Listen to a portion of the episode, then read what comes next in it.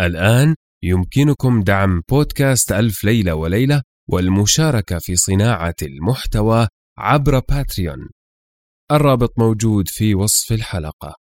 شكرا لكم شكرا دائما.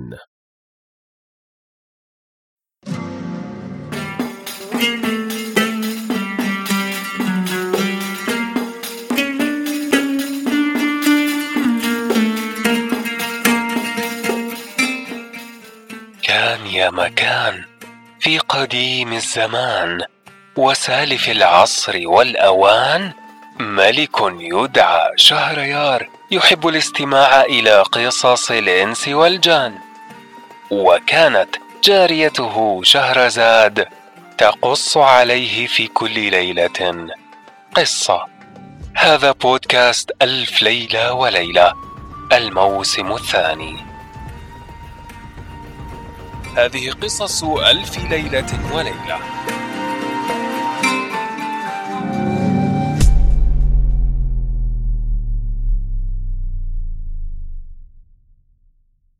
الليلة الواحدة والخمسون.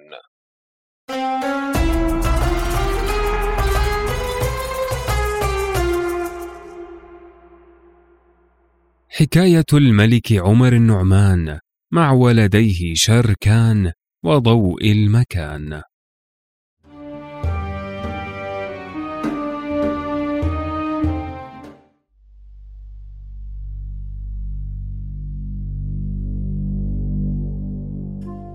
قالت بلغني أيها الملك السعيد أن شركان أمر الملكة ابريز وجواريها أن ينزعن ما عليهن من الثياب وأن يلبسن لباس بنات الروم. ففعلن ذلك. ثم إنه أرسل جماعة من أصحابه إلى بغداد ليعلم والده عمر النعمان بقدومه ويخبره أن الملكة إبريزة ابنة ملكة الروم جاءت صحبته لأجل أن يرسل موكبا لملاقاتها. ثم إنهم نزلوا من وقتهم وساعتهم في المكان الذي وصلوا إليه وباتوا فيه إلى الصباح فلما أصبح ركب الملك شركان هو ومن معه وركبت أيضا الملكة إبريزة هي ومن معها واستقبلوا المدينة. وإذا بالوزير دندان قد أقبل في ألف فارس من أجل ملاقاة الملكة إبريزة هي وشركان. وكان خروجه بإشارة الملك عمر النعمان كما أرسل إليه ولده شركان. فلما قربوا منها توجهوا إليهما وقبلوا الأرض بين أيديهما ثم ركبا وركبوا معهما وساروا في خدمتهما حتى وصلا إلى المدينة. وطلعا قصر الملك ودخل شركان على والده. فقام إليه واعتنقه وسأله عن الخبر. فأخبرته بما قالته الملكة ابريزه وما اتفق له معها. وكيف فارقت مملكتها وفارقت أباها. وقال له إنها اختارت الرحيل معنا والقعود عندنا. وإن ملك القسطنطينية أراد أن يعمل لنا حيلة من أجل صفية لأن ملك الروم قد أخبره بحكايتها وبسبب إهدائها إليك. وإن ملك الروم ما كان يعرف أنها ابنة الملك أفريدون ملك القسطنطينية ولو كان يعرف ذلك ما كان أهداها إليك. بل كان يردها إلى والدها. ثم قال شركان لوالده ولم يخلصنا من هذه الحيل والمكايد إلا إبريزة بنت ملك القسطنطينية وما رأينا أشجع منها. ثم إنه شرع يحكي لأبيه فيما وقع له معها من أوله إلى آخره من أمر المصارعة والمبارزة. فلما سمع الملك عمر النعمان من ولده شركان ذلك الكلام عظمت إبريز عنده وصار يتمنى أنه يراها. ثم إنه طلبها لأجل أن يسألها. فعند ذلك ذهب شركان إليها وقال لها إن الملك يدعوك. فأجابت بالسمع والطاعة. فأخذها شركان وأتى والده. وكان والده قاعدا على كرسيه وأخرج من كان عنده. ولم يبق عنده غير الخدم. فلما دخلت الجارية إبريز على الملك النعمان فقبلت الأرض بين يديه وتكلمت بأحسن الكلام. فتعجب الملك من فصاحتها وشكرها على ما فعلت مع ولده شركان وأمرها بالجلوس. فجلست وكشفت عن وجهها. فلما رآه الملك حيل بينه وبين عقله. ثم إنه قربها إليه وأدناها منه وأفرد لها قصرا مختصا بها وبجواريها ورتب لها ولجوارها الرواتب.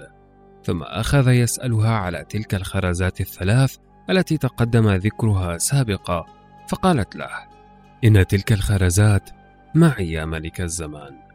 ثم إنها قامت ومضت إلى محلها وفتحت صندوقا وأخرجت من العلبة حقا من الذهب وفتحته وأخرجت منه تلك الخرزات الثلاث ثم قبلتها وناولتها للملك وانصرفت فأخذت قلبه معها.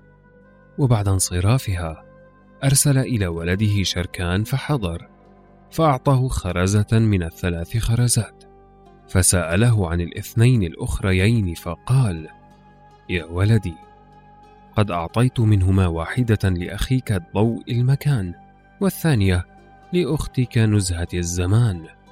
فلما سمع شركان أن له أخا يسمى ضوء المكان وما كان يعرف إلا أخته نزهة الزمان التفت إلى والده الملك عمر النعمان وقال له يا والدي ألك ولد غيري؟ قال نعم وعمره الآن ست سنين. ثم أعلمه أن اسمه ضوء المكان وأخته نزهة الزمان وإنهما في بطن واحد. فصعب عليه ذلك ولكنه كتم سره وقال لوالده على بركة الله تعالى. ثم رمى الخرزه من يده ونفض أثوابه فقال له الملك ما لي أراك قد تغيرت أحوالك لما سمعت هذا الخبر. مع أنك صاحب المملكة من بعدي وقد عاهدت أمراء الدولة على ذلك وهذه خرزة لك من الثلاث خرزات. فأطرق شركان برأسه إلى الأرض واستحى أن يكافح والده ثم قام وهو لا يعلم كيف يصنع من شدة الغيظ وما زال ماشيا حتى دخل قصر الملكة إبريزة. فلما أقبل عليها نهضت إليه قائمة وشكرته على فعاله ودعت له ولوالده وجلست وأجلسته في جانبها. فلما استقر به الجلوس رأت في وجهه الغيظ فسألته عن حاله وما سبب غيظه؟ فأخبرها أن والده الملك عمر النعمان رزق من صفية ولدين ذكرا وأنثى وسمى الولد ضوء المكان والأنثى نزهة الزمان. وقال لها إنه أعطاهما خرزتين وأعطاني واحدة فتركتها وأنا إلى الآن لم أعلم بذلك إلا في هذا الوقت فخنقني الغيظ.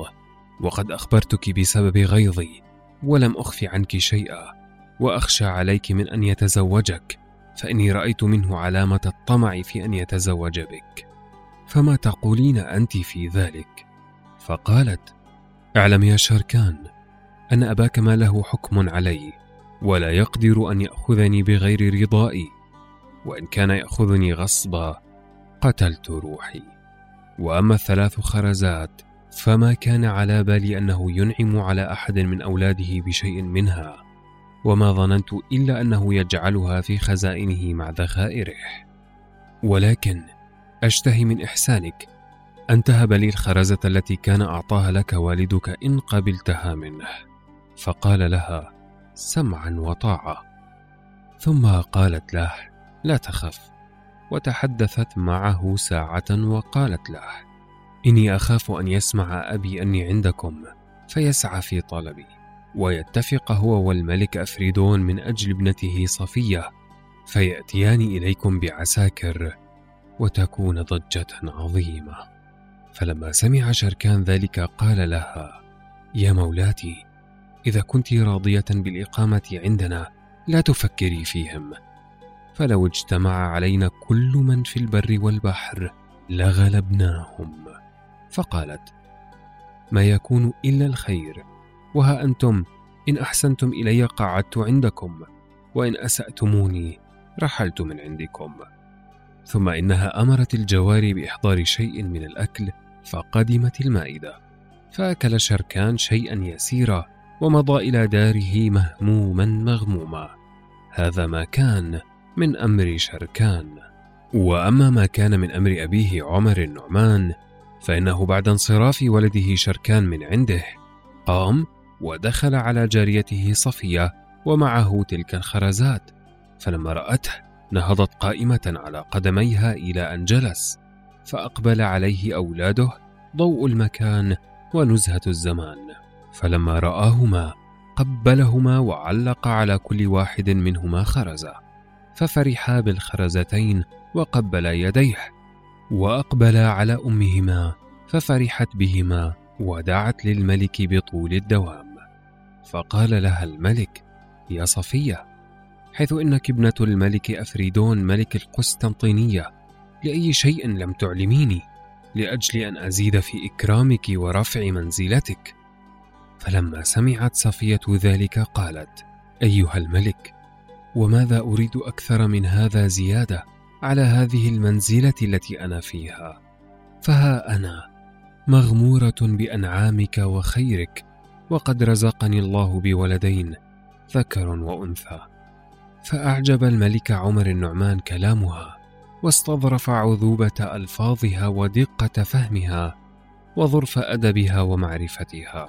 ثم إنه مضى من عندها وأفرد لها ولأولادها قصرا عجيبا ورتب لهم الخدم والحشم والفقهاء والحكماء والفلكية والأطباء والجراحين وأوصاهم بهم وزاد في رواتبهم وأحسن إليهم غاية الإحسان.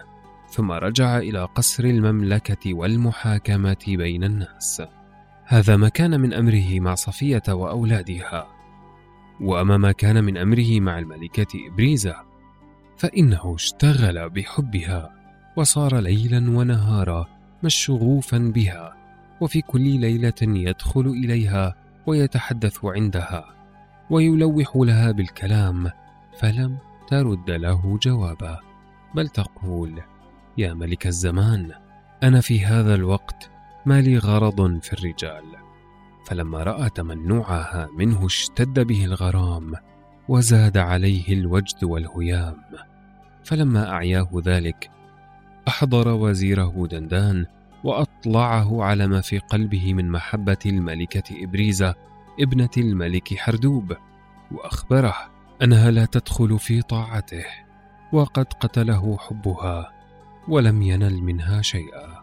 فلما سمع الوزير دندان ذلك قال للملك إذا جن الليل فخذ معك قطعة بنج مقدار مثقال وادخل عليها واشرب معها شيئا من الخمر.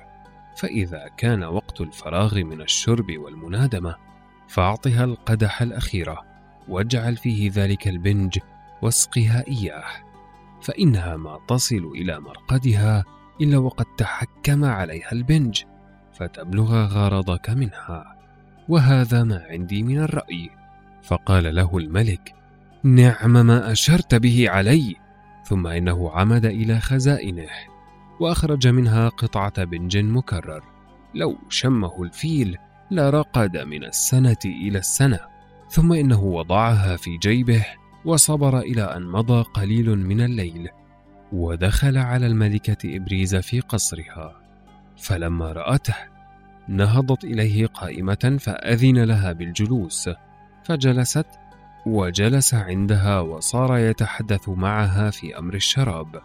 فقدمت سفرة الشراب وصفت له الأواني وأوقدت الشموع وأمرت بإحضار الفاكهة وكل ما يحتاجان إليه. وصار يشرب معها وينادمها.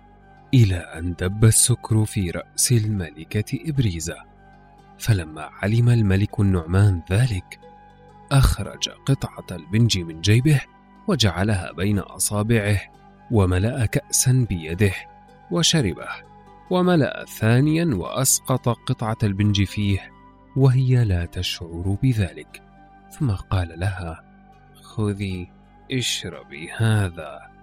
فأخذته الملكة إبريزة وشربته فما كان إلا دون ساعة حتى تحكم البنج عليها وسلب إدراكها فقام إليها فوجدها ملقاة على ظهرها. فلما دخل عليها الملك رآها على تلك الحالة ووجد عند رأسها شمعة وعند رجليها شمعة وحيل بينه وبين عقله ووسوس له الشيطان. فما تمالك نفسه حتى قلع سراويله ووقع عليها وجرى ما جرى. وبعد ذلك دخل إلى جارية من جواريها يقال لها مرجانة وقال لها ادخلي على سيدتك كلميها. فدخلت الجارية على سيدتها فوجدت دمها يجري على ساقيها وهي ملقاة على ظهرها فمدت يدها إلى منديل من مناديلها وأصلحت به شأن سيدتها ومسحت عنها ذلك الدم. فلما أصبح الصباح تقدمت الجارية مرجانة وغسلت وجه سيدتها ويديها ورجليها. ثم جاءت بماء الورد وغسلت به وجهها وفمها. فعند ذلك عطست الملكة إبريزة وتقايت ذلك البنج فنزلت قطعة البنج من باطنها كالقرص ثم إنها غسلت فمها ويديها وقالت لمرجانة أعلميني بما كان من أمري. فأخبرتها أنها رأتها ملقاة على ظهرها ودمها سائل على فخذيها فعرفت أن الملك عمر النعمان قد وقع بها ووصلها وتمت حيلته عليها فاغتمت لذلك غما شديدا وحجبت نفسها وقالت لجواريها امنعوا كل من أراد أن يدخل علي وقولوا له إنها ضعيفة حتى أنظر ماذا يفعل الله بي. فعند ذلك وصل الخبر إلى الملك عمر النعمان بأن الملكة ابريزه ضعيفة فصار يرسل إليها الأشربة والسكر والمعاجين وأقامت على ذلك شهورا وهي محجوبة. ثم إن الملك قد بردت ناره وانطفأ شوقه إليها وصبر عنها وكانت قد علقت منه. فلما مرت عليها أشهر ظهر الحمل وكبر بطنها ضاقت بها الدنيا فقالت لجاريتها مرجانة اعلمي ان القوم ما ظلموني وإنما أنا الجانية على نفسي حيث فارقت أبي وأمي ومملكتي وأنا قد كرهت الحياة وضعفت همتي ولم يبقى عندي من الهمة ولا من القوة شيء وكنت إذا ركبت جوادي أقدر عليه. وأنا الآن لا أقدر على الركوب ومتى ولدت عندهم؟ صرت معيرة عند جواري. وكل من في القصر يعلم أنه أزال بكارتي سفاحا. وإذا رجعت لأبيه بأي وجه ألقاه وبأي وجه أرجع إليه. وما أحسن قول الشاعر بما التعلل لا أهل ولا وطن ولا نديم ولا كأس ولا سكن. فقالت لها مرجانة الأمر أمرك وأنا في طوعك. فقالت أريد اليوم أن أخرج سرا بحيث لا يعلم بي أحد غيرك وأسافر إلى أبي وأمي فإن اللحم إذا أنتن ما له إلا أهله والله يفعل بي ما يريد. فقالت لها نعم ما تفعلين أيتها الملكة. ثم إنها جهزت أحوالها وكتمت سرها وصبرت أياما حتى خرج الملك للصيد والقنص وخرج ولده شركان إلى القلاع ليقيم بها مدة من الزمان. فأقبلت إبريز على جاريتها مرجانة وقالت لها أريد أن أسافر في هذه الليلة ولكن كيف أصنع في المقادير؟ وقد قرب أوان الطلق والولادة وإن قعدت خمسة أيام أو أربعة وضعت هنا ولم أقدر أن أروح بلادي وهذا ما كان مكتوبا على جبيني ومقدرا علي في الغيب. ثم تفكرت ساعة وبعد ذلك قالت لمرجانة انظري لنا رجلا يسافر معنا ويخدمنا في الطريق فإنه ليس لي قوة على حمل السلاح. فقالت مرجانة والله يا سيدتي ما أعرف غير عبد أسود اسمه الغضبان وهو من عبيد الملك عمر النعمان وهو شجاع ملازم لباب قصرنا. فإن الملك أمره أن يخدمنا وقد غمرناه بإحساننا. فها أنا أخرج إليه وأكلمه في شأن هذا الأمر وأعده بشيء من المال وأقول له إذا أردت المقام عندنا أزوجك بمن شئت. وكان قد ذكر لي قبل اليوم أنه كان يقطع الطريق فإن هو وافقنا بلغنا مرادنا ووصلنا إلى بلادنا. فقالت لها هاته عندي حتى أحدثه. فخرجت له مرجانة وقالت له يا غضبان قد أسعدك الله إن قبلت من سيدتك ما تقوله لك من الكلام ثم أخذت بيده وأقبلت به على سيدتها فلما رآها قبل يديها فحين رأته نفر قلبها منه لكنها قالت في نفسها إن الضرورة لها أحكام.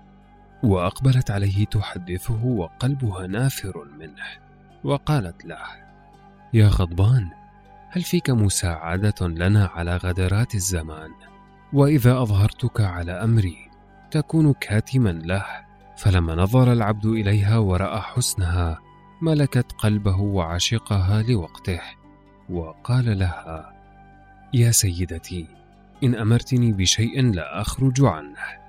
فقالت له أريد منك في هذه الساعة أن تأخذني وتأخذ جاريتي هذه وتشد لنا راحلتين وفرسين من خيل الملك وتضع على كل فرس خرجا من المال وشيئا من الزاد وترحل معنا إلى بلادنا. وإن أقمت عندنا زوجناك من تختارها من جواري وإن طلبت الرجوع إلى بلادك أعطيناك ما تحب. ثم ترجع إلى بلادك بعد أن تأخذ ما يكفيك من المال. فلما سمع الغضبان ذلك الكلام فرح فرحا شديدا وقال يا سيدتي إني أخدمكما بعيوني وأمضي معكما وأشد لكما الخيل. ثم مضى وهو فرحان وقال في نفسه بلغت ما أريد منهما وإن لم تطاوعاني قتلتهما وأخذت ما معهما من المال. وأضمر ذلك في سره. ثم مضى وعاد ومعه راحلتان وثلاث من الخيل وهو راكب إحداهن. وأقبل على الملكة إبريزة. وقدم إليها فرسها فركبتها وهي متوجعة من الطلق ولا تملك نفسها من كثرة الوجع. وركبت مرجان فرسا ثم سافر بهما ليلا ونهارا. حتى وصلوا بين الجبال وبقي بينها وبين بلادها يوم واحد فجاءها الطلق. فما قدرت أن تمسك نفسها على الفرس فقالت للغضبان انزلني فقد لحقني الطلق. وقالت لمرجانه انزلي واقعدي تحتي وولديني. فعند ذلك نزلت مرجانه من فوق فرسها. ونزل الغضبان من فوق فرسه وشد لجام الفرسين. ونزلت الملكة إبريز من فوق فرسها وهي غائبة عن الدنيا من شدة الطلق. وحين رآها الغضبان نزلت على الأرض وقف الشيطان في وجهه فشهر حسامه في وجهها وقال يا سيدتي ارحميني بوصلك. فلما سمعت مقالته التفتت إليه وقالت له ما بقي علي إلا العبيد السود بعدما كنت لا أرضى بالملوك الصناديد. وأدرك شهرزاد الصباح فسكتت عن الكلام المباح.